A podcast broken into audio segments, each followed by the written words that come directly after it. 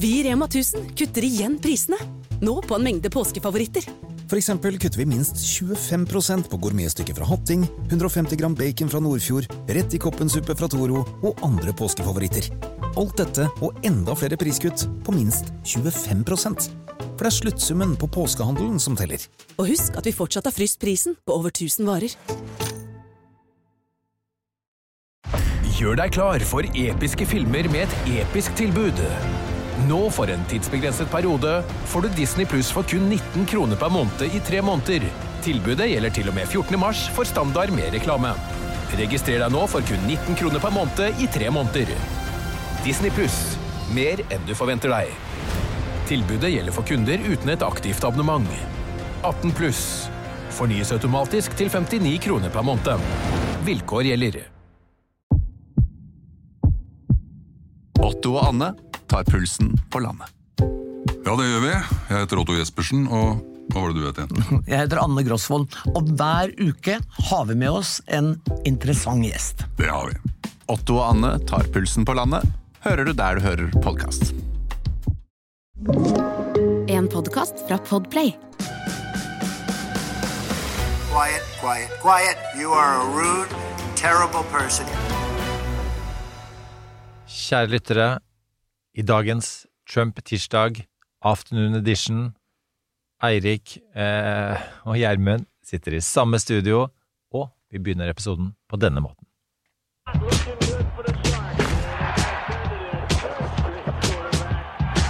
Cap out. Man, I can't believe this. Can't believe it. Do you know anything about Willie Beeman? I don't. Who is Willie Beeman? Beeman, what the hell are you doing? I told you to warm up five minutes ago. What happened? Look at your fucking play card. It's upside down. Come on, get your head out of your ass. Let's go. Og i dag skal vi snakke om amerikansk football, for det er altså det dere hørte nå, og konspirasjonen Taylor Swift eh, har gående.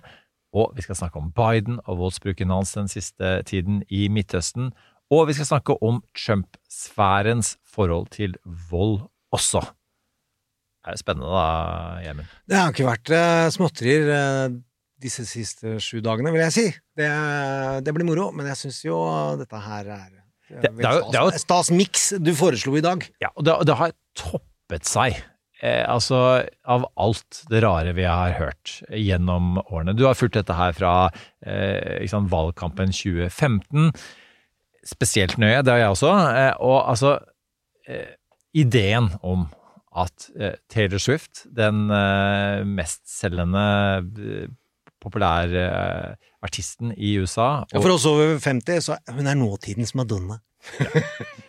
Og Travis Kelsey, nåtidens Shannon Sharp, vil en NFL tight end-ekspert kunne si, for eksempel. Altså, og de to sammen er de to NFLs David Beckham. For, for de som trenger den referansen. Eh, altså, det er eh, De er to mest eh, fremstående populærkulturelle ikonene i USA. Og noe av grunnen til at du er med på den poden er jo at popkultur har utrolig mye å si i amerikansk samfunnsliv, og ikke minst amerikansk politikk. Så det at de nå, den verden merger med valgkampen, med ideen om eh, at eh, på Superbowl, noen helt få dager til helga, så skal altså, ifølge konspirasjonsteoretikere eh, på høyresiden, eh, Travis Kelsey og eh, Taylor Swift eh, ut på, eh, eh, på midten av banen og erklære sin eh, evige troskap til eh, Joe Biden. Det er konspirasjonsteorien. Eh, Og selvfølgelig at CIA, militæret og alt sammen, Men alle er med på det, og at dette er blitt rigget eh, for lengst ved at man sørger for at eh, Kansas City Chiefs, som i, tillegg er det beste laget i NFL-fotball, eh, på en måte har kommet til finalen da, for å legge til rette for, for dette. Det er konspirasjonsteorien. Det er ganske langt ute, vil jo mange som er utrolig glad i amerikansk fotball. Jeg følger ikke det. Jeg følger det sånn cirka fra Superbowl til Superbowl, så jeg kan ikke alle Superbowls i det hele tatt. Men det er jo den desidert mest populære og breddeidretten i USA, som engasjerer flest på ukentlig basis. Og den samler større publikum enn alle. Jeg følger, jeg følger det fra treningskampene eh, og, og fremover. Eh, og, og jeg skal nå gjøre eh, det, det mest spennende, jeg iallfall følge min gamle NFL-opptatte eh, diplomatvenner hevder. Det mest spennende jeg noen gang har gjort, er nemlig å besøke VGTV-studio, det er de rettighetene til NFL i Norge, og kommentere på forhånd, altså vorspiel-sendingen Og til da vil jeg si at jeg følger det veldig mye, hvis dere hører Du vil dit, du? Ja, men Bare for at det er moro å være på vorspiel. og det er til det sånn popkultur. Jeg Før var jo det en veldig sånn eh, smal setning som få var nesten enig i, at politics flows downstream from culture. Det er det Trump har vist. Altså Som veldig mange ikke skjønte på 90-tallet og tidlig 2000-tallet. Den utrolig nære sammenhengen mellom det å ha velgeroppslutning og hvor hardt du må ligge på for å få medietrykk rundt dine budskap, som Fox News utnytta som milde helvete, og som man egentlig skjønte på 60-tallet og 50-tallet. Men her har man alltid tenkt at nei, statsvitenskap og journalistikk, de henger sammen, og kultur, det er bakerst i Aftenposten. Jo, men- men- men- og det- Jeg syns jeg var god. Det, du var god, eh, og, og, og jeg jeg bare legge til her, for at det som skal, Vi skal snakke litt mer om detaljene rundt dette her, og hva, hva er det med Og det er Swift? veldig viktig. Altså, det er veldig viktig både for Biden og viktig for Trump at dette skjer. Ja, men poenget er er jo også at eh, Trump er et populærkulturelt fenomen i seg selv. Eh, Ja, han begynte som en, en relativt, la oss si det sånn, eh, suksessrik eh, forretningsmann, så kan vi diskutere alle nyansene i det, men det gjorde at han eh, dukket opp som, eh, på en sånn cameo på Home Alone 2.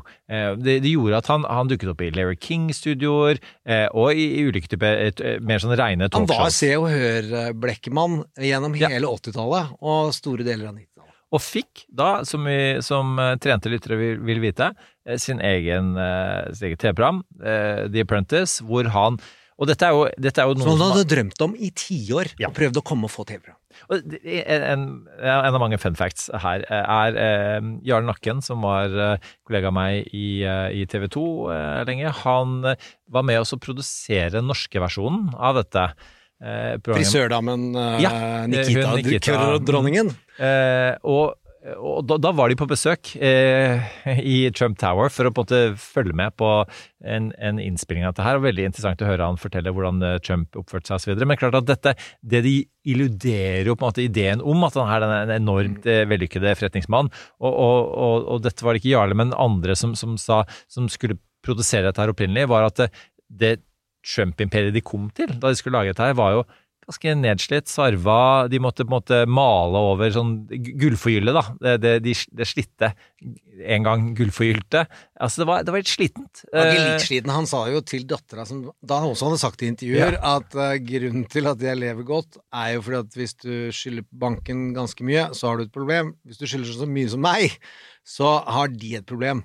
Eh, når han da gikk forbi tiggerne på utsida. Og det er jo, har den dattera gjenfortalt. Nå vil han jo ikke all si at han aldri hadde gjeldsproblemer, han hadde 10% av all personlig gjeld på 90-tallet. Har han. Nei, tap. Pengetap. Det er mye, altså.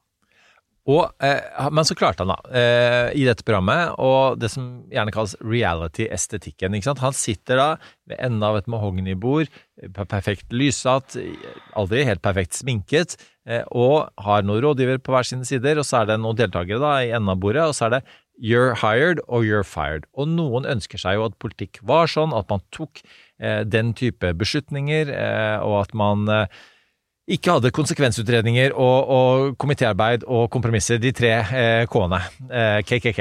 Eh, og, eh, og, og, de, eh, og, og, og og det er på en måte det er jo det Trump tar med seg inn. La oss ikke glemme at eh, selv om han nå har sånn seks års erfaring som eh, politiker, så hadde han da eh, nesten ingen erfaring da, da han stilte til valg sist. Og det var helt greit, fordi at folk ønsket seg en annen type politikk. Jo da, og så skal man være veldig glad. Nå har han gjennomføringskraft, nå har han lært veldig mye, og så har han fjerna alle de som ville ha KKK, eventuelt ans eh, AAA, ansvarlighet, eh, accountability, og den siste han kan du få av meg. Men det er det, Den forståelsen han klarte å innprente i alle som ikke følger godt med, er jo følelsen av at han er en leder. Og det skjønte han etter hvert at han skulle kapitalisere på, og han gjorde seg også da til en politikksynser i ny, særlig New York-mediene, men også litt sånn eh, nasjonale medier. Eh, for det, det, det, skal ikke så mye til å mene noe om presidentvalg, og ikke minst den sittende svarte presidenten. Så det er eh, den kulturforståelsen han hadde, svart president, det kan jeg ri på. Han hadde et Hussein-mellomnavn, det kan jeg kjøre. Og den store konspien som han lanserte hele presidentskapet sitt på, altså Barack Obama, Løken, uh, egentlig er, er, er uh, ikke amerikaner, men uh, født og oppvokst i Afrika, og har lurt alle til å tro at han kommer fra Hawaii. Birtherism, eh, som Nei, altså, jo han- eh, han- eksisterer i beste velgående også nå, når eh, eh, Nim Arata, eh, som, eh, som han kaller for Nimrada, eh, som er også Nikki Haley, eh, og, hev, eh, og som altså riktignok er Og og det er det ingen tvil om at eh, foreldrene er født eh, i India, men at, at fordi de er det, så skal det på en måte eh, diskvalifisere henne, eh, som er født i, i USA, eller er hun egentlig det? Eh, og så videre. Så det, det, det, det, er samme playbooken. story, hele hans inngang inn i politikken, er med birtherism. Men tilbake til det, det pop populærkulturelle. Fordi eh, du er jo riktignok eh, blitt en eh, podkast-helt for mange, eh, Gjermund. Men eh, du, Mamma er enig i det. Ja, ja, og du holder, du holder fortsatt på med, med eh, TV-drama og det visuelle. Eh, og det sies, eh, og dette er også godt dokumentert, eh, at, eh, at Trump, eh, når han gjør intervjuer, enten er på TV eh, eller eh, i, i tidsskrifter osv., så, videre, så er han mest opptatt av å, av å se på bildene, eh, til og med se video uten lyd på, for å se om illuderer han en følelse av makt. Eh, og det kanskje var aller tydeligst da han kom tilbake i gåsehudene, etter, etter han hadde hatt korona, eh, fløy inn eh, på White House Lawn og på en måte gikk opp på verandaen der og, og vinket til, til folket. Altså, han, han vet hvordan eh, makt som en visuell Altså, greie henger sammen. Det, det, det som han ikke kunne før det TV-programmet, var da å se hva skjer uke til uke i et TV-program hvis noen taper i verdi, eller hvis ikke noe står riktig på spill, eller hvis poseringen ikke er riktig, så måles den type populære TV-programmer i hjel. Og han får jo da en utrolig sensitivitet nettopp for det visuelle. Når er det Trump virker som leder? Da har jo han sett når jeg ikke går imot eh, konvensjonene som han har planta inn i hodet sitt. Og Maggie Haberman sier jo i boka si at han hadde alvorlige planer om å ha en Supermann-kappe når han kom tilbake fra den koronagreia. Eh, ganske uironisk. Eh, for å være så frisk og rask som mulig, så ville jo veldig mange av oss som ikke stemmer på han, le og synes han var latterlig. Men visuelt så lagrer vi informasjon om vi vil eller ikke. Og det er det han er flink til å utnytte. Siste poeng er jo at han den siste fotomodellkonen har, har hatt veldig mye samtaler med hvordan han skal posere, hvordan han må passe på når han står. Så er det morsomste er jo at Sarkozy spekulerte i det. I måten han tok den i hånda, og sørga for Altså gjorde han stressa over at dægen, han er flink til å drive med makt, og så smiska. Så han brukte litt sånn sosiopati og visuell uh, hersketeknikk mot Trump selv, uh, og Trump klarte ikke annet enn å like fyren til slutt. Og da mener du selvfølgelig Macron. Jeg mente Macron, men det uttales Sarkozy. Ja, det gjør det på fransk, og det er, det er lunefullt. Det er- er franske. diplomat. Jeg er diplomat, eh, og, og er, og men jeg vil bare verifisere. Ja, ja, ja, ja. Eh, Men, ver verifikasjon, eh, som det heter på, på fransk. Skrives på en helt annen måte. Men fordi det, det er ingen tvil om. Og, og, det, er- de der, fan vet jo at det er den type scenario hvor du bare står og håndhilser, og så er det kanskje til og med Du får ikke med deg, som blir sagt, det er, det er en sånn eh, voiceover fra eh, TV-anker som beskriver den situasjonen. ikke sant? Så det du bare ser, er én mann som på en måte eh, på animalsk vis eh, utøver sitt eh, overlegenhet o- overfor den andre mannen. Eh, og dette er jo Dette var det vel Ronald Reagan som først eh, fant ut av. Eh, er det ikke det, stemmer ikke jeg, men også med, masse flagg i bakgrunnen osv. Og, og, og, eh, og, hvor Altså Kairos, som jo er, er, er retorikkens altså sted, ja. hvor viktig det er, i tillegg til etos, patos og logos Alta. Ja, men det var jo noen malerkunstnere som hadde kjørt, kjørt hardt på hvor, Eller også konger og dronninger, og ikke minst i amerikansk politikk, i sjølveste Representantens hus. Jeg hadde omvisning rett før jul. Privat omvisning. Var totalt nerd out. At de betalte for at andre skal males dårligere. Så han ene fikk jo da Adams til å bli dårligere framstilt i maleriet som henger der, enn den andre, og da ser du at han halter litt og har litt sånn hornaktige ting. Uh, og jeg tror i tillegg det er sant. For jeg tror ikke han tuller. Et an, en annen fun fact for øvrig, fra mm, Mulig at jeg plukka opp en eller annen Hvithusomvisning eh, for kjempelenge siden, jeg også, men eh, sant, der hvor det er, det er samme fyren? Han er utrolig hyggelig. Det kan godt være.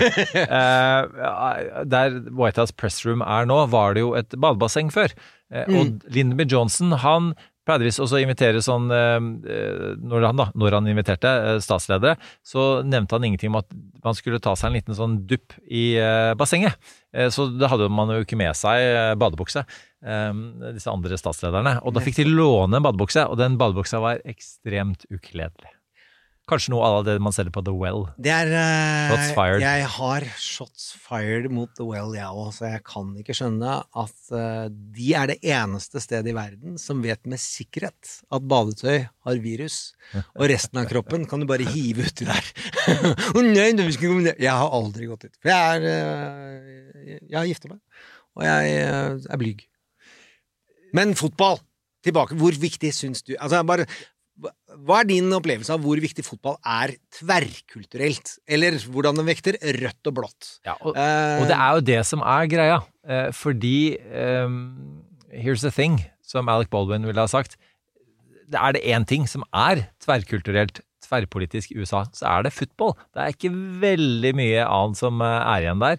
Eh, og det er jo altså det som, som Maga-gjengen har valgt å legge seg ut med. I tillegg så har de valgt å legge seg ut med, med Taylor Swift, som er like eh, tverrpolitisk. Og nå skal du høre noe, noe dette, dette har jeg med meg noe tall her, eh, eh, Gjermund. Og det er at eh, eh, 48% av eh, Swifties, altså folk som mm. hører på ganske sånn dedikert da, på Taylor Swift, de er menn. Eh, Og eh, litt over eh, 50 er republikanere. Altså det, og det varierer veldig i alder, eh, det varierer i etnisitet, og de fleste de tilhører eh, altså det man kaller for eh, suburban areas, altså forstedsbeboere. Eh, den kanskje en av de aller viktigste velgergruppene som finnes i USA. En velgergruppe Trump tapte sist. Og så vet vi også at, at ungdom, ikke minst, er en velgergruppe, altså unge mennesker, som Biden må treffe. Og det å omfavne Israel så eh, Mm. varmhjertig som han har gjort nå, eh, ha, ha, har ført til problemer der. Da. De har satt seg på gjerdet inntil videre. Eh, så, så klart at eh, dette her er Det å legge seg ut med Travis Kelsey og, og, og Taylor Swift er kanskje det dummeste strategiske valget noensinne gjort i en valgkamp. Ja, det, altså der er det tøff konkurranse, men, vil jeg si. Eh, men, eh, men det virker veldig eh, dumt. Fordi det er ikke bare de mennene som det handler om, som du nevner. Det er jo det at de bryr seg jo egentlig ikke hvis de, altså det, Han engasjerer dem for tidlig. Altså det, hans største mulighet er å dra i gang denne debatten litt rett over sommeren. Få ut en del om at Biden er gammel, Biden er gammel, og la liksom alle rettssaker og alt sammen være sånn. Og så får han dratt dem i gang. Men nå får jo hele disse folkene til å tenke i ni, ti, elleve måneder. Nei, nå er det ti måneder igjen.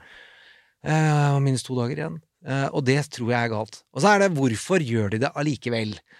Og jeg tror jo at strategien er mobilisering uh, for sin harde base, og at det med identitet For å få i gang samfølelsen, så er gift så utrolig mye lettere. Altså, det å pirke på fotball, som er så viktig for dem Det er jo som i Norge, og hvis du husker hva Folk er utrolig glad i Solskjær, helt til ManU taper en del. Ja, fuck Solskjær. Altså, da går, altså det går, jeg jeg syns det blir så utrolig hissig når det er snakk om fotball i Norge. Så kan temperaturen gå fra 0 til 100 utrolig raskt. Så det å nok en gang ta tak i deler av det viktigste i den hvite middelklassen og hvite overklassens liv for å eh, få dem til å være mer fokusert på det de er sinte på, enn det de har gått glipp av, det går de for. Og da er fotball veldig rett foran nesa på dem. Jeg skal kontre det med to Taylor Swift-sitater eh, fra hennes sanger, henholdsvis. Eh, Du spurte hvorfor gjør du dette her. You play stupid games, you win stupid prizes. Og Sorry I can't see facts through all of my fury. Altså, der, der, der, det, altså, det, best beskrevet av Taylor Altså, Swift. Altså, alle Altså, jeg følger jo altfor mange uh, i amerikansk politikk eh, av den type menn som du snakker om, og alle er Swifties. Og alle, altså, du, du søler bort masse tid i podkastene fordi de skryter av hvem er det som har livebilletter, hvem er det som har de billettene. Uh, og de hører alle platene, og når de går gjennom Spotify-listene sine, så er de der. Og jeg er ikke avvisende til den type musikk. Sist gang jeg var det, så var det at jeg var ironisk over å ha sett en god anmeldelse til Justin Timberlake. Den plata har jeg nå hørt fire milliarder ganger. så jeg er svak for popmusikk, altså. Jo, og, og det Altså, jeg eh, Bank i bordet da Sofie eh, satt her, og hun kommer tilbake. Eh, bankebordet igjen. Eh, og vi eh, Så hadde vi en liten sånn derre eh, krangel, og jeg nesten jeg angrer det nå. fordi, eh, fordi ja, dette er det nærmeste vi har kommet til en krangel. Det var veldig eh, gemyttlig. Men eh, da sa jeg at jeg, jeg var litt sånn småirritert når jeg så på Kansas City Chiefs spille, og hver gang Travis Kelsey, tight end, da, eh, på, mottok ballen, for det er jobben hans å ta imot ballen, fra quarterback Patrick Mahomes, eh, så eh, panorerte de opp på eh, Taylor Swift, som så ut Ja. som hun hadde vunnet en ny eh, Emmy. Grammy, heter det. Det er du som har vunnet Emmy. Jeg har bare én. Det sto i manuset mitt. Det måtte, jeg skulle liksom late som jeg Jeg sa feil der. øverst en gang. det? Det skal, ja, det skal bare Ja. name-droppes hver kan, gang. det kan vi bare gjøre én gang. For det fungerer så kan godt i Norge. Det kan vi aldri gjøre igjen. Greit. Eh, sin første Hun vant sin fjerde nå, eh, for øvrig. Eh, Grammy. Eh, eh, Hvor mange Emmys har du vunnet? Bare én. Men ja. Så hun leder ganske på mange parametere. Ja. hun tok fire denne gangen, så er det den mestvinnende i én sending. Ikke sant? Eh, nei, og, og og det, det, det syns eh, Sofie var eh, helt flott, og jeg syns det var litt irriterende. Men eh, det har jo ført til at eh, Kansas City Chiefs har, jo eh, økt eh, omsetning av eh, alt mulig billetter og merchandise osv. Så, videre. så det, har jo vært en eh, god idé for dem. Og det gjelder jo også NFL også. De har fått mange nye C-grupper, og det er så eh, kommersielt eh, fornuftig. Det gir jeg de rett i. Eh, nei, men klart at altså eh, Taylor Swift, da, bare for å ta henne Hun er, hun er fra Nashville, Tennessee. Altså, hun slo igjennom som countryartist. Hun er 34. I den tøffeste byen å slå gjennom, for der kan alle there. Ifølge, ifølge alle sånne countrydokumentarer jeg har sett, så de som føler seg gode, og så kommer du til Nashville, og der kan selv med bartenderen spille bedre enn enhver nordmann, sier vi. da I country. Ja, og countrymusikk så ler man gjennom masse misere, og så inspirerer det deg til å lage god countrymusikk. Hun har jo, da, altså hun har jo hatt mange breakups med eks- masse ekser. Um, og for øvrig, sant, er, er det noe disse eksene har lært, er at uh, ikke um, sett deg opp mot henne. Fordi hun vinner til slutt. Så det er jo lærdom nummer én som Jumpline burde ta til seg. Men altså, hun uh, har jo gjennom de siste 17 årene av sitt 34-årige liv hatt ganske så mye suksess, som sagt. Um, eh, og har gått fra country til, til pop. Og er ikke minst en forretningskvinne eh, som eh, eh, self-made woman, som, som gjør det veldig, veldig bra. Altså hun er jo alle, Alt dette her gjør jo at hun burde være eh, republikanernes eh, fremste poster girl. Eh, og det er jo kanskje det som gjør så vondt for dem, da. At, at hun da hun er, ikke, hun er ikke aktivist Ja. på vegne av verken venstresiden eller liberale ideer, eller noe sånt, men hun har, har da sagt én, i 2020 jeg vil, kommer til å stemme på Biden, og to, eh, til unge mennesker, registrer dere gjerne ved valg. eh, Og det har gjort at ekstremt mange eh, unge har registrert det. Ta en lys og en mørk hypotese, da. Jeg står jo glatt for at Donald Trump har intuisjon for det å skaffe seg oppmerksomhet som tilsvarer det samlede tankekraften til McKinsey, som tross alt mye å mene om dem. Det er jævla brainiacs, og de er ganske flinke på en del sånne forretningsstrategier. Og han intuitivt føler det. Så det er, nå slenger jeg ikke en påstand. Det er visse ting han bare føler og vet, og det er dokumentert nå at han har klart å bli president uten en eneste evne til å kunne være leder, egentlig. Så for, hvis du tenker på setningen 'politics lives, floats, flows downstream from culture', så hvordan skal Donald Trump nå utenfor siloen sin? Han trenger å komme seg opp på en øy oppe i culture.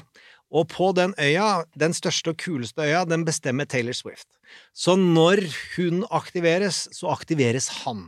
Så det er en svær TV-kampanje, en radiokampanje, en nettkampanje og en boards-kampanje og en eh, enorme e-postkampanjer som koster dulliarder av kroner hvis du skal organisere over 50 delstater. Det får han gratis ved å dra i gang den typen ting. Så konspirasjonsteorien, løgnen om Obama, gjør at han blir invitert, for han er løgnens far. Han blir invitert i alle samtaler. Ja, men hva syns du egentlig? Han er jo utrolig rund i kantene rundt Obama så lenge han eh, det, var at han skulle være det, helt til han gikk ned den eskalatoren, så var det jo Jeg utlyser en dessert. I'm not saying, people are saying, I'm just doing. Uh, og det er det samme han gjør, eh, de kommer til å gjøre her. Å være cirka og invitere seg opp i strømmen av informasjon.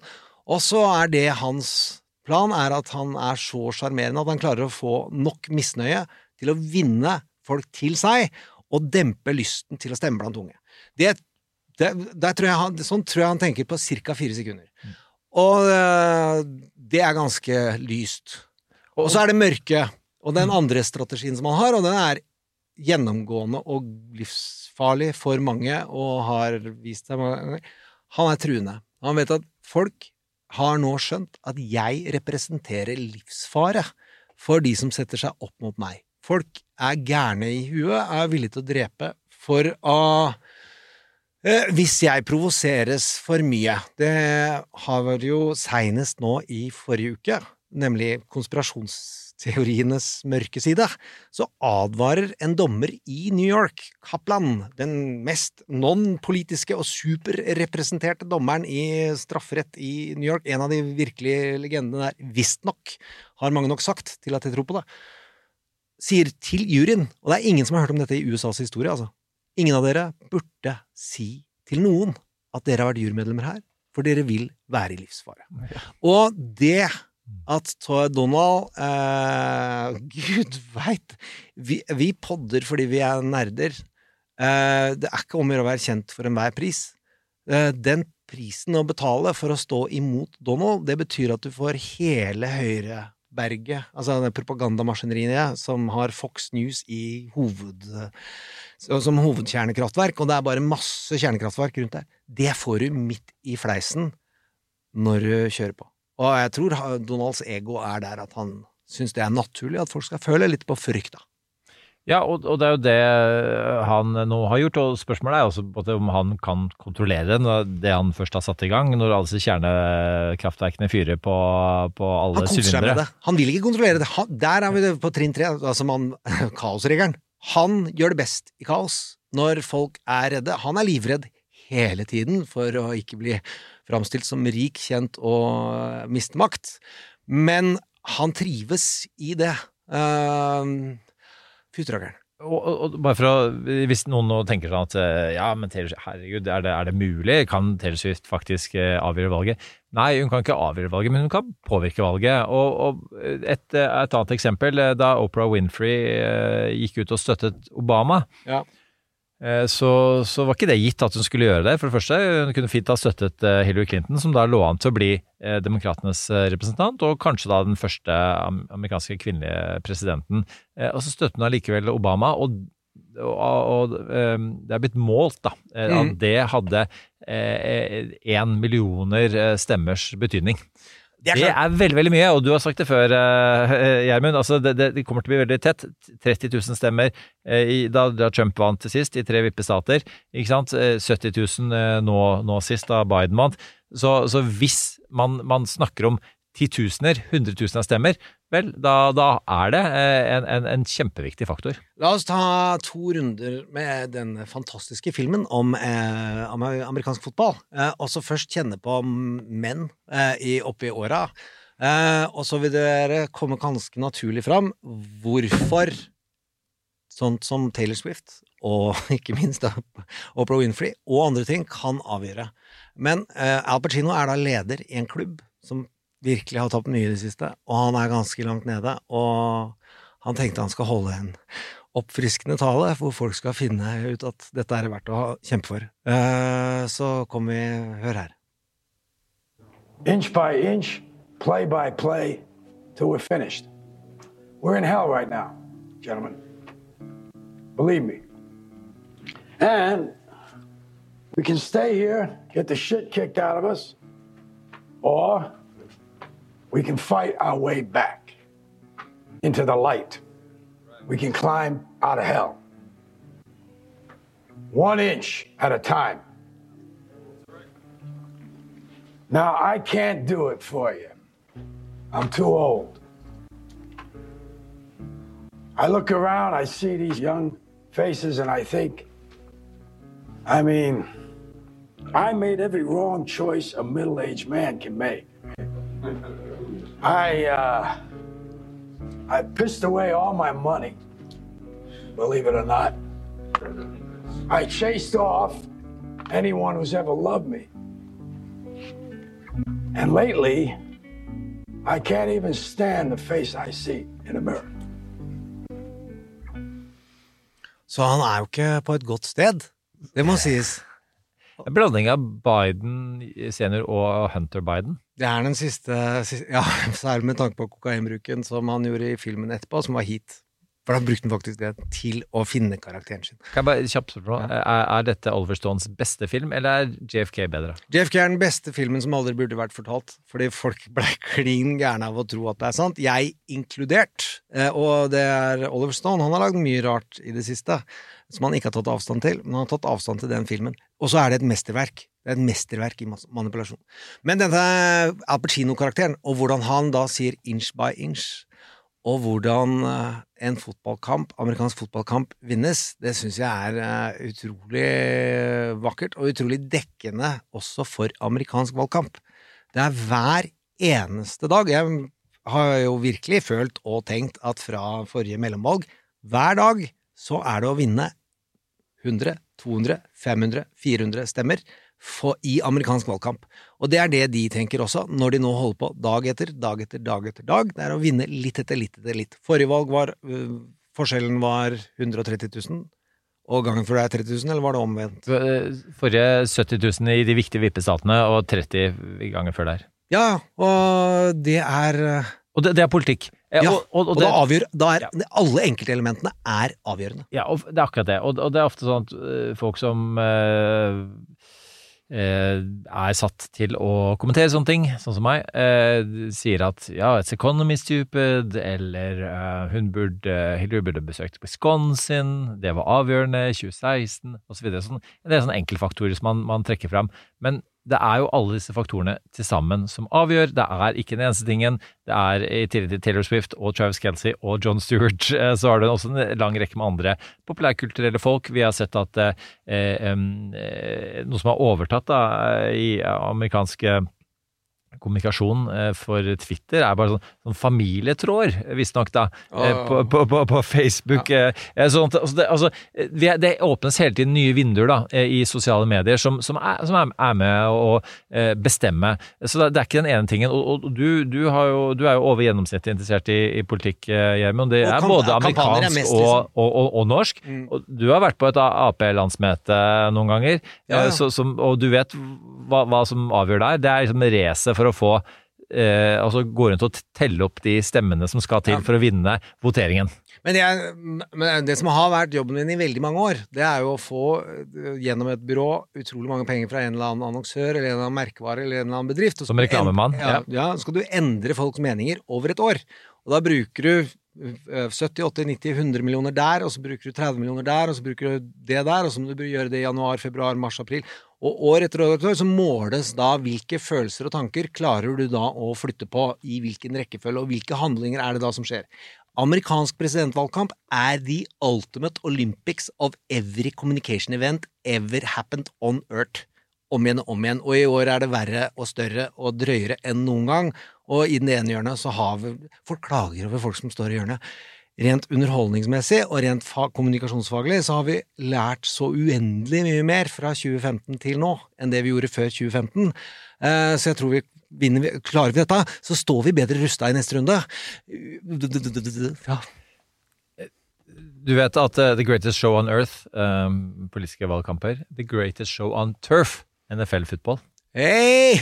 Da må vi også ja. det, det er ikke en bro til Vi, skal, vi går tilbake dit. For det, Det Turf Wars At Vi må holde oss litt, på, på valgkampet, for at du kan dine kampanjer, eh, Gjermund. Altså, eh, det var eh, en The Pod Save America, som sikkert mange hører på, sin siste episode, som handlet faktisk litt om Taylor Swift-saken også, men, men, da hadde du besøk av et, par-tre Det var så vanskelig å høre hvor mange det var, for de hørtes veldig like ut. Sånn generiske, demokratiske eh, partifeller som var rundt og drev kampanje. Og så spurte, ble spurt om, om hva, hvordan de gjorde det. Eh, og da ga de akkurat det da sa du akkurat det du sa, på en litt mer kjedelig måte. En sånn ekstremt kjedelig måte. Som handler om Vi ser litt på tallene, og så drar vi dit, og så påvirker vi den lille prosessen der, for det er viktig der. Så drar vi dit, påvirker den lille prosessen som er viktig der. Og så Ja, men er dere ikke livredde for at Trump sånn, Nei, vi, sånn er politikk, og vi, vi måtte, må jobbe med de og Det er som å høre sånn norske idrettsutøvere. Vi må fokusere på arbeid, arbeidsoppgavene. Ja, bare, og, det er, og det er, jo det, det er jo det som er politikk. Det er, det er ikke den store, enorme visjonen. Dessverre så er det heller ikke den der locker room-talen eh, til Al Pacino, eh, skråstrek, ja, eventuelt eh, Joe Biden på et eller annet tidspunkt. da. Nei, det, ja, det, det, ta, de enkelttalenes effekt også, er jo åpenbart avgjørende, eh, fordi de ka, enkelte kandidater har vunnet eller tapt med de talene de har hatt, eh, og særlig noen har vunnet mer enn andre, blant annet Obama og Zelinskyj. Men eh, når det handler om de den hovedforskjellen på kampanjetenkning i Norden og i USA er at i USA, som du sier, de reiser rundt og ser på tallene. I USA så ledes alle kampanjer alltid av den som er best med ord den som forstår tanke og følelse, og hvor utrolig sensitivt og stor forskjell det er. Lite, noen få ord i en radiokanal, eller en liten ting der og noe der. Det orkestreres. Dirigenten kan instrumentene. I Norden så, styres, så er dirigenten tallbasert. 17 fioliner. Der kommer paukene inn, og da blir det ikke helt det samme. Og Det er derfor jeg er utrolig glad i det i USA. David Axelrod, som har leda kampanjer, Stuart Stevens, som har leda masse, Mike, på republikanernes side, Mike Murphy. Dette er jo folk som virkelig forstår hva den setningen, hva den talen, hva den boka, hva den filmen De leser verden som den grønne skriften som renner nedover i Matrix-skjermen. Og det gjør det med en enorm ro, som jeg får helt tårer i øynene av å tenke på. Du, for du, du gjør det i tre år med kandidaten din før du kanskje vinner. Og du taper i det De fleste taper i alle valgkamper eh, I alle de store valgkampanjene de er med i. Og så får du ny jobb allikevel, sånn som Miller. Tim Miller, som er, nå tar over The Bulwark Podcast, han hadde ikke sin første seier før han skulle stille med Jeb Bush. Han hadde ikke vunnet én, men han er jækla flink. da, kommer, du ser jo på Han har jo bevist hvordan han har flytta ting. Det er ganske drøy eh, evne, altså.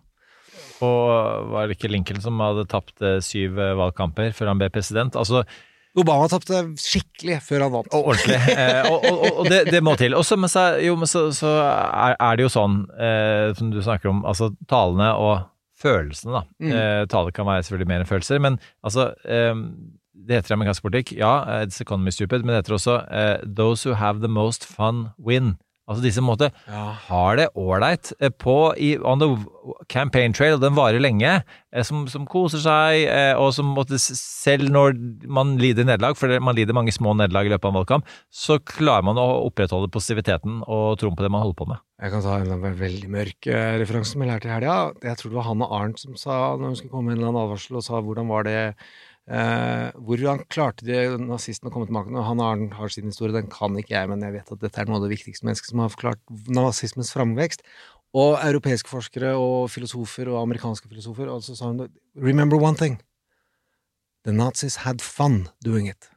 Altså, det er det at eh, entusiasme, det er noe man skal være veldig glad i hvis man står for det rette, og redd for hvis du ser at motstanderen eh, ler mens han vinner over deg. og uten å trekke Ariens ondskapens banalitet fullstendig inn i Trump-verden, så, så spurte en gang Tove Bjørgaas hva, hva, er det du, når du er på rallies og sånt med Trump, hva, hva er den ene tingen på en måte vi ikke helt klarer å plukke opp, da, som ser disse små klippene på TV? Sånn, jo, er, du, du, du, han er ganske morsom. Du står og koser deg og, og ler ja. plutselig og tar deg selv i det, og så fortsetter du selv om, etter at du har tatt deg selv i det. For det er, det er, fornøyelig eh, igjen fordi man tenker også at de ordene, ja, ordene betyr ikke så mye, her blir vi underholdt. Eh, men så vet vi eh, gjennom fire år eh, med styresett at jo, det betyr faktisk litt. Og i tillegg, eh, Donald Trump tester budskap hele tiden. Altså hvis han ikke, altså Det var sånn han vant i 2016, men han gjør det fortsatt. Så tester han begrep og sjekker om de får fot, og så i tillegg så får han jo nå målinger, for nå er det en profesjonell kampanje. Han prøver å sette ut teorier og se hvem som reiser mest, og hvem som engasjerer mest, og hvem som da sprer seg. For det var jævlig at han lærte seg alltid via TV, men etterpå så tok Twitter og sosiale medier og lærte han den nye medie medierevolusjonen.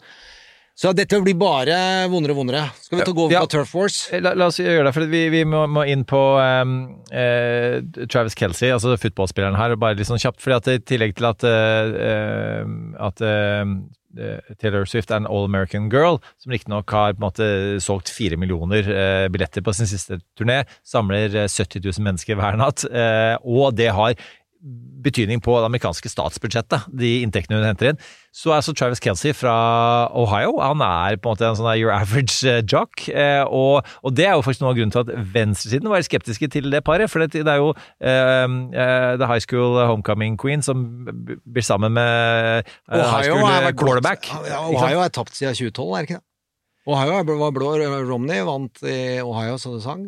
Ja, og så, så, sånne ting kan han si. Eh, Og så Ja. kan man bare legge til den faktoren da, med, med Travis Kelsey som gjør at man eh, eh, Han er jo da ikke quarterback, han er Thailand, men som gjør at han ikke er så godt likt da, som han tilsynelatende burde være på papiret hos Mm. er at han, eh, han snakket høyt om at han tok covid-vaksinen, eh, og var til og med med på, på eh, reklamekampanje for eh, Pfizer og deres covid-vaksine. Ja, og der begynner det å nå Det er jo det som også er en invitasjon inn i konspihelvete, fordi konspihelvetes store mor er jo pandemien og QAnon og antivakserbevegelsen, som bare vokste så utrolig stort uten at vi, mange av oss fulgte med. Eh, og den er dressert og topptrent og har sin egen influenserøkonomi fra helsike. Jeg anbefaler QAnon Anonymous-podkasten, som da lager to episoder i uka bare om hvordan alle konspirasjonsteori-galskapssiloer fungerer. Og det er fabelaktig tung akademisk bakgrunn og god humor. Men den eh, at når eh, den provokasjonen eh, han representerer for dem, dem er jo Rabiatia. Og det, er- det, er, det er ikke bare de denne gangen her. Nå er det eh, Fox News, det er Newsmax og det er Vivek Ramaswamy, altså som avgått avgått eh, republikansk presidentkandidat, som også har fremmet ideen om at dette er en såkalt psychological operation. Eh, altså dette er Psyops. Dette er psyops, eh, dette er dypstaten eh, på sitt, sitt verste som har orkestrert dette her. Eh, så så dette, dette, disse, den teorien har fått bein å løpe på. For å sitere en stor filosof, eventuelt bare en eh, fantastisk komiker, som også er litt omstridt, men eh, Bill Burr, er ikke det han heter? Han, skal, ha- han sa at jeg, jeg konspirasjonsteorigreiene De som da maser om at de prøver å ta livet av folk for å få kontroll på verden, eh, hvorfor vil de gjøre det ved å ta livet av alle de de har kontroll på? Altså, det er jo Altså, det, it makes no sense hvis du først skal uh, prøve å ta uh, å få kontroll på befolkningen, så er det jo antivakserne de burde jage i mye større grad. Så it- det går ikke opp.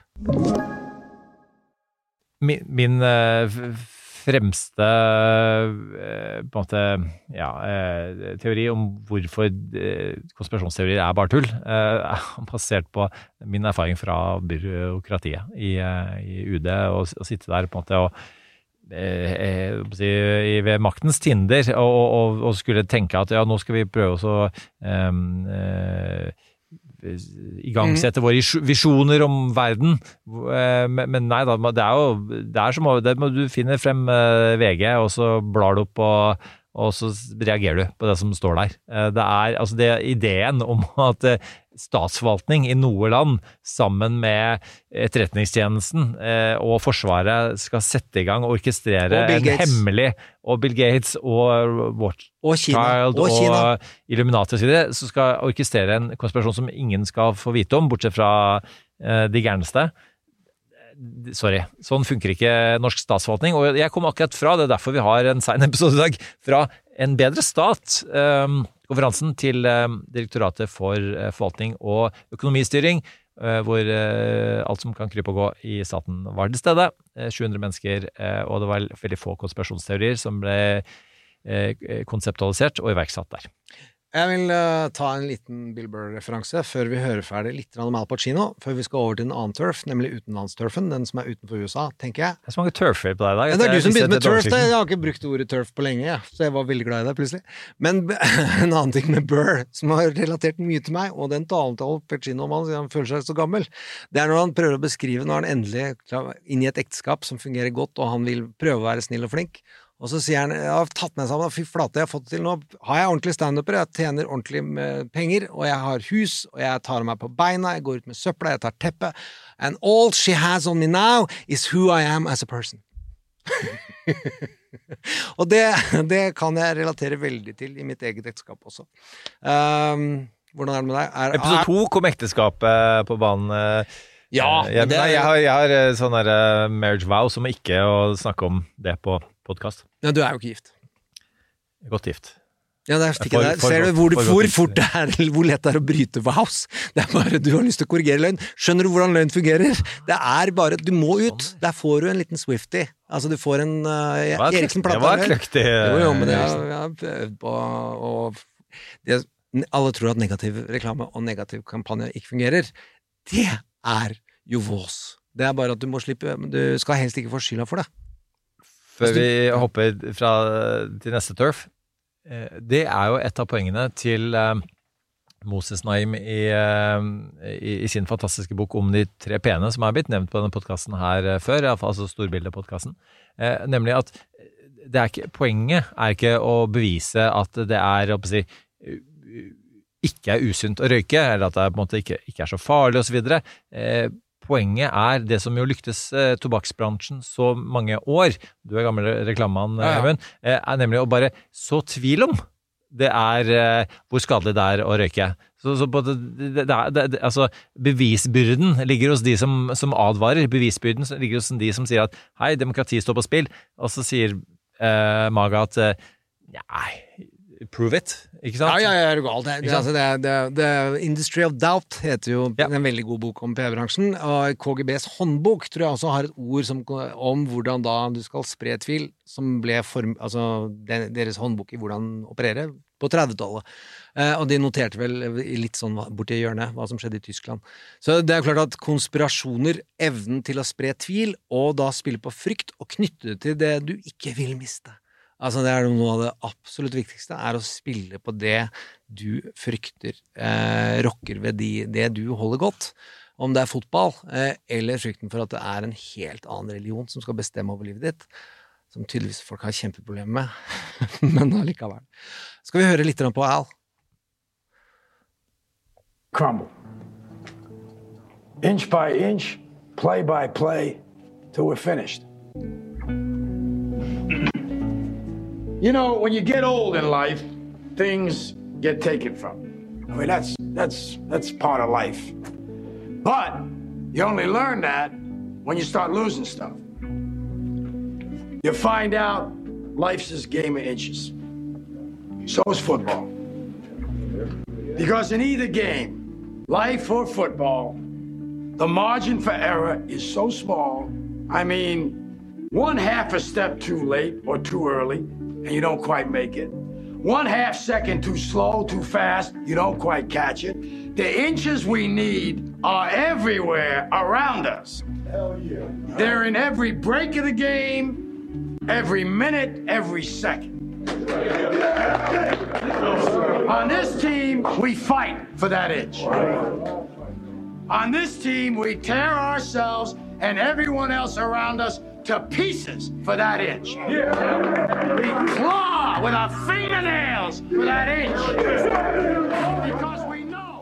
Jeg vil jo si at Hillary Clinton fortsatt tenker på Pennsylvania og Wisconsin, at hun skulle vært der litt mer. Og det er det ganske mange som sier til henne med blikket hver gang hun går inn i et rom.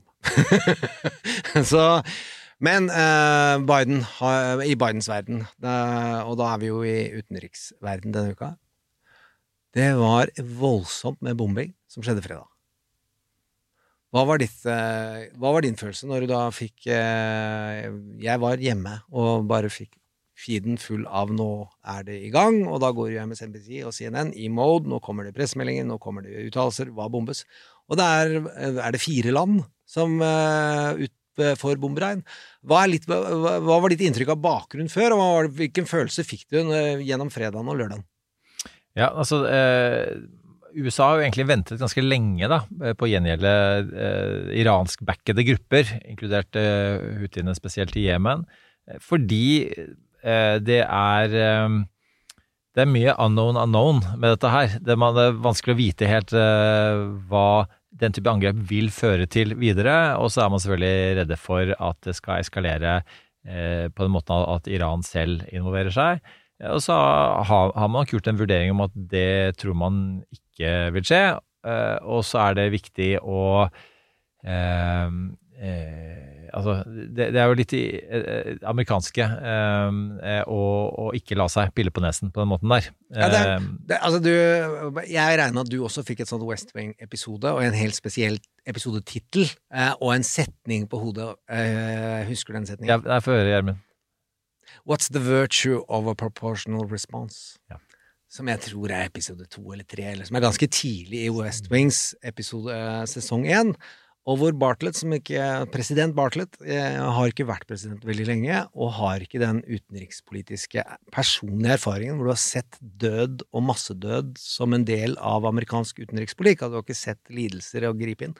Og der, der dør det amerikanere og amerikanske soldater, og også en venn av han som var blant de styrkene, tror jeg. Og da spør han what's the virtue of a proportional response? Det kan være greit å smette inn at jeg og du har snakket om The West Wing i to timer eh, i Bergen, på. Litteraturhuset. Vi ble kastet ut. Det er en skandale. Jeg har aldri likt Jeg, Bergen jeg siden. kikket opp sånn etter halvannen time og for å se om det fortsatt var folk i salen. Det, det var det. Eh, men, og, og, og, og til og med så var det altså Frank Aarbrot, eh, bless his heart, eh, hadde arrangementet i rommet ved siden av oss, hvis du husker det. Eh, og det kom allikevel noen eh, til oss. Eh, Men altså dette her er jo til virkelighetens verden. Da. Obama vant, eh, vant, hva heter det? han fredsprisen etter seg. etter seg. Han, thanks but no thanks, var det en av hans rådgivere som sendte til en venn av meg i utenrikstjenesten. Og, og han kommer til Oslo og holder da en tale om, rett, om krig. Om Ja. rettferdig krig. ikke sant? Og, Ja. og dette er jo amerikansk utenrikspolitikk. Eh, eh, handler jo mye om eh, å å- å police the world eh, via våpen. Men det er jo sånn at den ble jo fundamental... eh, man- Hvis vi tar bare tilbake til at konspirasjonsteorier, så var USA Nja, ja, det var mange som trodde på mye rart. Men så kom Nixon, og så kom alle presidentens menn, og at presidenten faktisk ljuger og er kriminell og prøver å ødelegge et valg. Det gjorde noe med mistenksomheten der ute.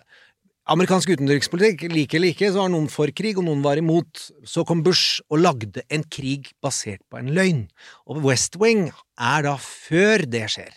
Og da blir det en proportional response. Det er sånn, USA går ikke over streken lenger. De prøvde å lære noen lekser i Vietnam, og Vietnam og Korea, det var ikke et stolt øyeblikk, og de hadde ikke ikke vunnet noen gang, tydelig, før, så nå hadde de lært litt. Og så kommer da George Bush og gjør det han gjør, og Irak-krigen blir det den blir. En quagmire fra helvete med enorme sivile tap, og en del amerikanske også, men mest av alt, han vinner gjenvalg på det.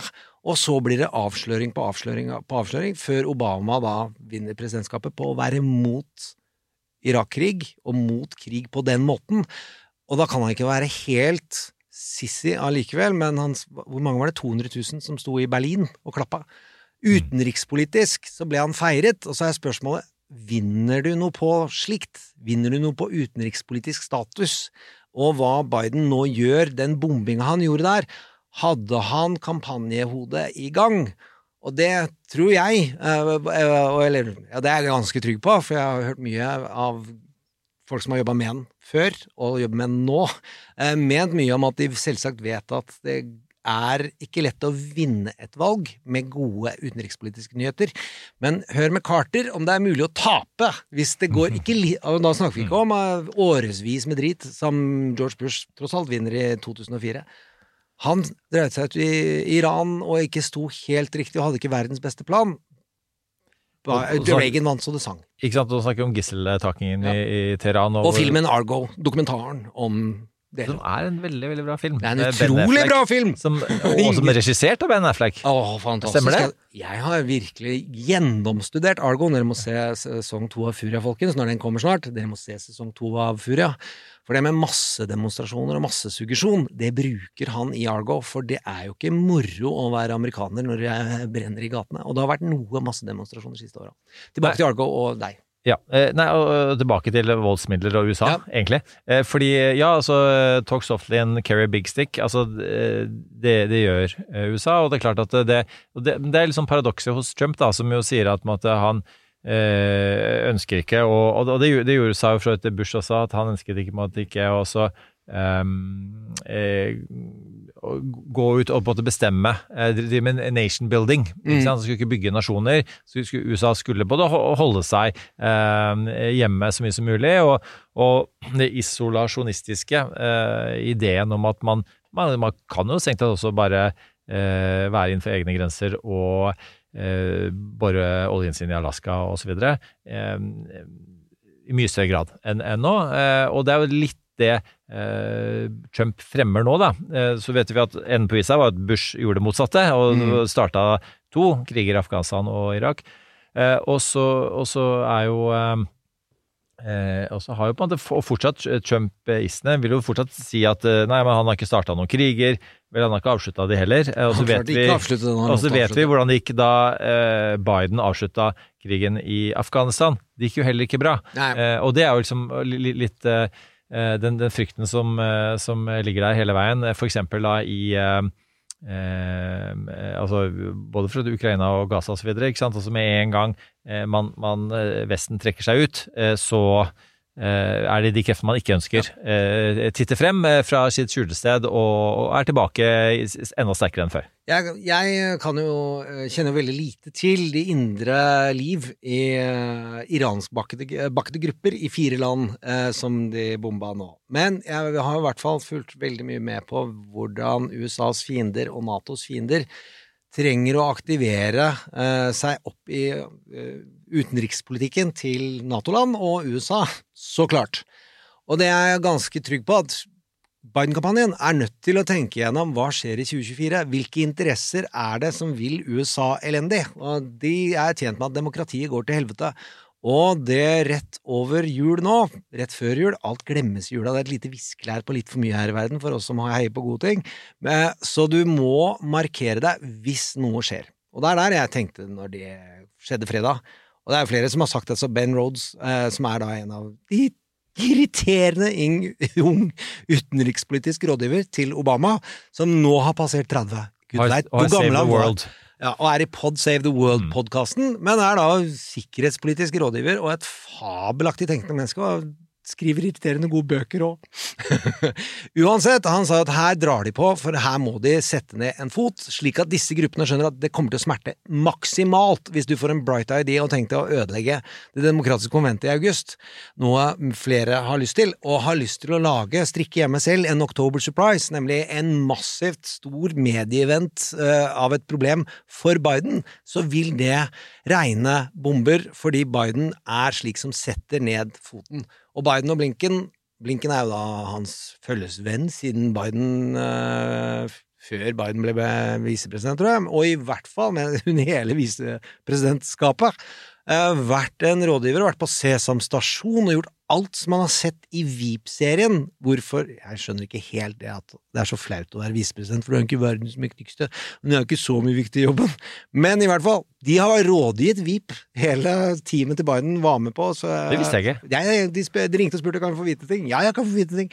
Hillary var ikke så glad i å rådgi, men Biden-folka bare sa ja. Han var jo gammel allerede da, så hva har hun å tape?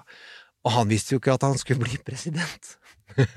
Biden, altså. Han tenkte jo at det kommer vel noen unge folk som jeg ikke klarer å slå. Uansett, de skjønner hvordan dette året her er. Han trenger ikke nok én utenrikspolitisk greie eh, som skjer. Min store ubekreftede hypotese, som jeg ikke har fått noen veldig tungt faglige forskere, eventuelt mennesker, til å si på luft, for jeg har møtt de rundt forbi, det er ikke at Putin dro til i år én til Biden. Det mener jeg ikke er tilfeldig. Mm. Og det går Mm. på krigstretthet å få den populasjonen til å bli en splittende sak i det året her. Og når det nå dras i gang i Gaza, slik det har vært gjort, så har han to kjempeproblemer som gjør at Putin får det enklere, og viser hele verden at Biden du, Hvis du kan dra i eh, flere armer, men det er ett sted, så stopper antall armer i hvor mye ressurser han klarer å spre seg rundt. Og der tenker jeg at nå ville de si ordentlig tydelig fra at skal dere melde dere på i eh, moro og hjelpe Trump-konkurransen, så er the virtue of proportional response eh, big. Now, in these days, it's big. Ingen tvil om. Vi Eh, bomber for demokratiet. Det, er, det må være lov å fleipe litt sånn hvis du har venner eh, som var med på å plage plage eh, folk der nede, så beklager jeg det. Men eh, al- eh, altså, ja, den enkle på en måte utenrikspolitiske tesen her er at eh, ja, både USA og eh, Iran for er tjent med å bombe litt. Eh, Og noen ganger er det sånn at, kriger vedvarer fordi begge parter er tjent med det. Dessverre. Og det er noe av grunnen til at vi alltid har hatt krig gjennom hele menneskehetens eh, historie, og dessverre kommer til å ha det en del fremover også. Eh, Det er noen som er tjent med det. Eh, Og, eh, og og det litt sånn eh, mer sofistikerte forklaringen på det er Den fikk vi i dag på seminaret av Iver B. Neumann, som er direktør på Fridtjof Nansen-instituttet, med at er det noen som f.eks. ikke er tjent med krig nå, så er det Kina i forhold til USA. Fordi Fordi der er det en relasjon. Mens der det ikke har vært en relasjon, fordi USA er ikke så veldig opptatt av det lenger, er med Russland.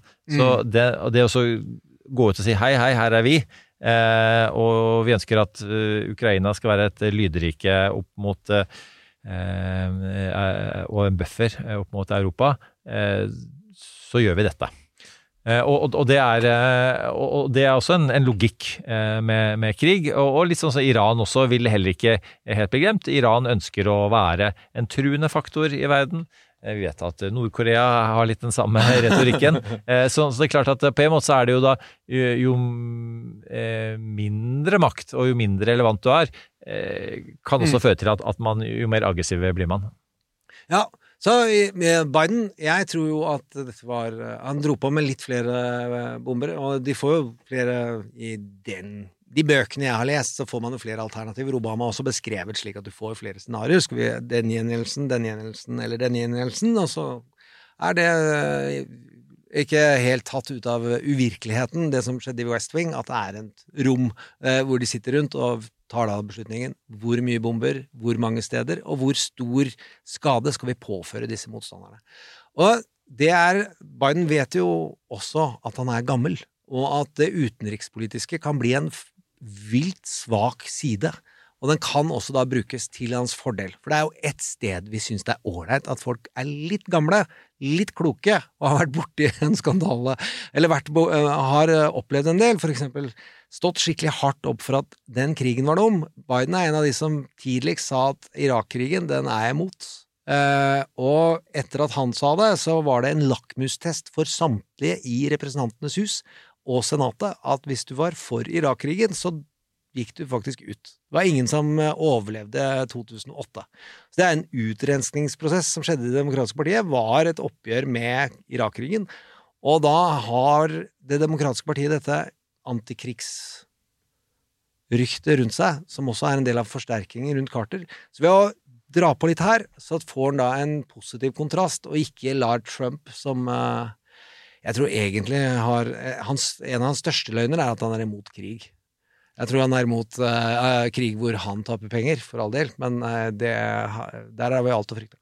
Det, det, det tror jeg også, selv om det, det er nok litt vanskelig å bevise opp, opp mot eh, hans velgere. Det er jo veldig mye som er vanskelig å bevise opp mot hans velgere. Eh, men, men eksempel da han bombet Syria første gangen, så økte han med 5% på meningsmålingene. Og gjett om han la merke til det. Og når han tok, tok livet av nummer tre i Al Qaida, eh, så skrøt han som et uvær. Men der vil jeg si at basen hans, alle var mot Russland helt til han sa det ikke var det. Og da var det ikke det. Eh, og alle var for eh, at skatt er hellig, vi kan ikke gjøre noe med det, helt til han vil gjøre noe med det. Så nå er de dressert, de gjør det som lønner seg for Donald, og tidligere så har egentlig alle løpt etter basen. Nå løper basen etter Donald, og det er jo bare å fortsette Fortsett å være redd, folkens.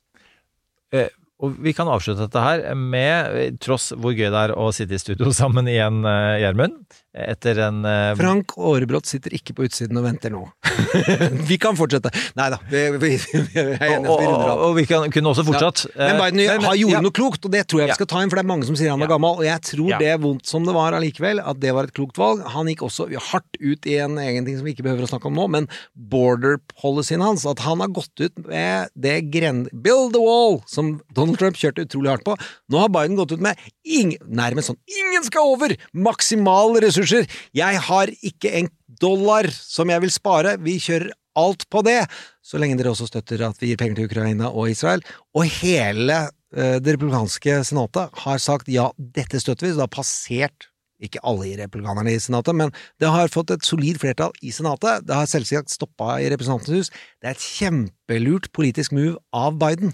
Så han har tatt fra Trump build the wall-argumentet. Han har redusert 'jeg er så sissy i utlandet'-argumentet. Så jevnt i alt så peker det oppover, syns jeg. Og, dette er nok den eh, viktigste strategiske beslutningen han har tatt eh, til nå i valgkampen. Eh, og det da passer veldig fint å avslutte med det, fordi han, han har jo også da, som du sier, liksom laget en pakke. altså Republikanerne sa jo nettopp det. Vi kan støtte Ukraina hvis du eh, støtter på en måte um, Veggen. Altså, mer, mer, penger til, mer penger til grensa, Eh, og til- det skal brukes på militære så sa han greit, da gjør vi det, og så la han fram en pakke som var ordentlig. Større enn det de var. Mye, mye, mye, mye større. Eh, og så, og, og likevel så, så ikke sant, med andre ord, eh, de er på en måte litt sånn hunden som løper etter bilen og plutselig har fanga bilen og bare logrer eh, vekk derfra. Fordi, eh, hvorfor ønsker de ikke det? Eh, selv om de eh, gjør det, jo, for at eh, Trump eh, sier til de at det her må dere ikke støtte, eller hans lojale som er først og fremst i Representantenes hus, fordi da mister han sin store valgkampsak. Eh, og det er jo at det er fullstendig kaos på grensen, og det, det har han jo rett i. Eh, men dette vil på en måte bidra noe, da, eh, med den eh, med, med dette nye. og, Én altså, ting er på en, måte en, en Mm. mur og, og videre gjerde osv., men, men det handler litt om en presidentordre som gjør at man da kan effektivt stoppe inntil videre, til man både får litt mer, mer kontroll på situasjonen. Man burde gjort det for lengst, kan man si, men, men igjen, eh, dette, er, dette blir en perfekt valgkampsak for Biden. Kan slenge i bordet. Se her, eh, jeg prøvde å gjøre noe med det. Du stemte mot det. Ja, ja, det, det, Du og dine folk. Og det er altså nå Tidligere så har det vært eh, falsk eh, news og propaganda fra Fox News at det er caravans.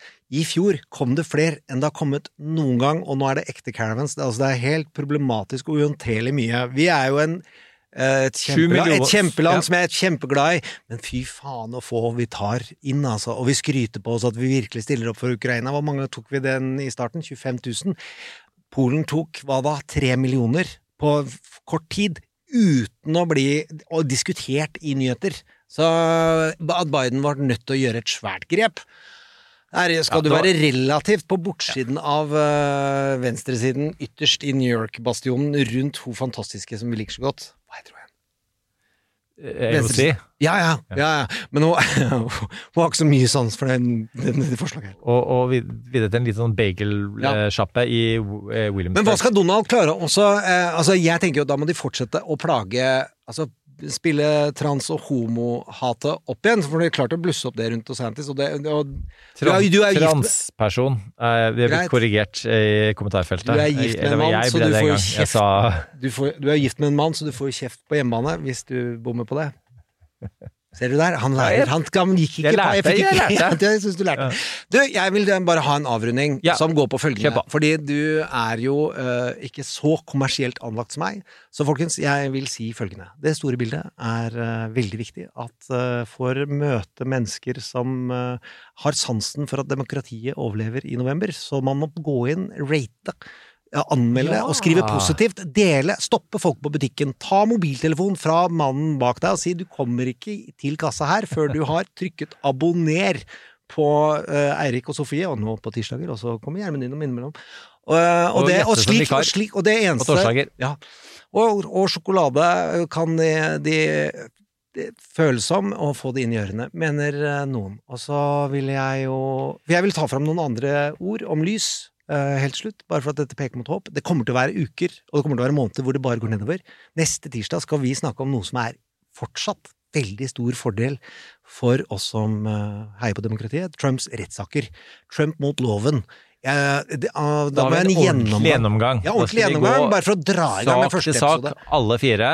Eh, Fire? altså, nå- vi tar jo straffesakene og sivilsakene. det kan vi godt. Alle seks, med andre ord. Å, ja, jo, men det er noen flere som er up in the sailing. Uh, det blir veldig moro. Eh, så tenker jeg at vi skal eh, Hva ville du si? Bare? Nei, jeg skal bare takke for eh, den kommersialiseringen av podden. Det, Ja, det, var, det er ikke kommersialisering, det er du fighter for demokratiet når du stopper han bak kassa di og abonnerer og deler. Takk. Så- og, og, og også takk for teasing av neste Trump-tirsdag. Og så er det også da en sending på torsdag med det store bildet med Jetta. Ja, og jeg har ingen problemer med å si at jeg er lykkelig gift. Noen i studio vil jo ikke engang ta i den ballen. Hør her. and the world. When day comes, we ask ourselves, where can we find light in this never ending shade? The loss we carry, a sea we must wade. We've braved the belly of the beast. We've learned that quiet isn't always peace. In the norms and notions of what just is, isn't always just is. Jeg tenker at eh, Amanda Gorman skal vi bruke flere ganger. Dama løfta humøret mitt etter Insurrection. Eh, og jeg tenker vi bare skal ta inn de orda, og hvordan hun peker på lys. Hun gjør akkurat det som Al Pacino gjør, og masse mye felles med Al Pacinos fotballtale. Ha en god uke. Eh, og ikke og hør på torsdag, hør på fredag, hør på hvis det skjer noe på søndag og mandag. Men vi er også tilbake neste tirsdag. Hun eh, med få ord satt eh, beskrev det vi har brukt eh, 1 time, 8 minutter og 22 sekunder på, Gjermund. Takk til Amanda, takk til deg, takk for at dere lyttet. Så høres vi i denne serien neste tirsdag. That's enough. Put down the mic. Du har hørt en podkast fra Podplay. En enklere måte å høre podkast på. Last ned appen Podplay, eller se podplay.no.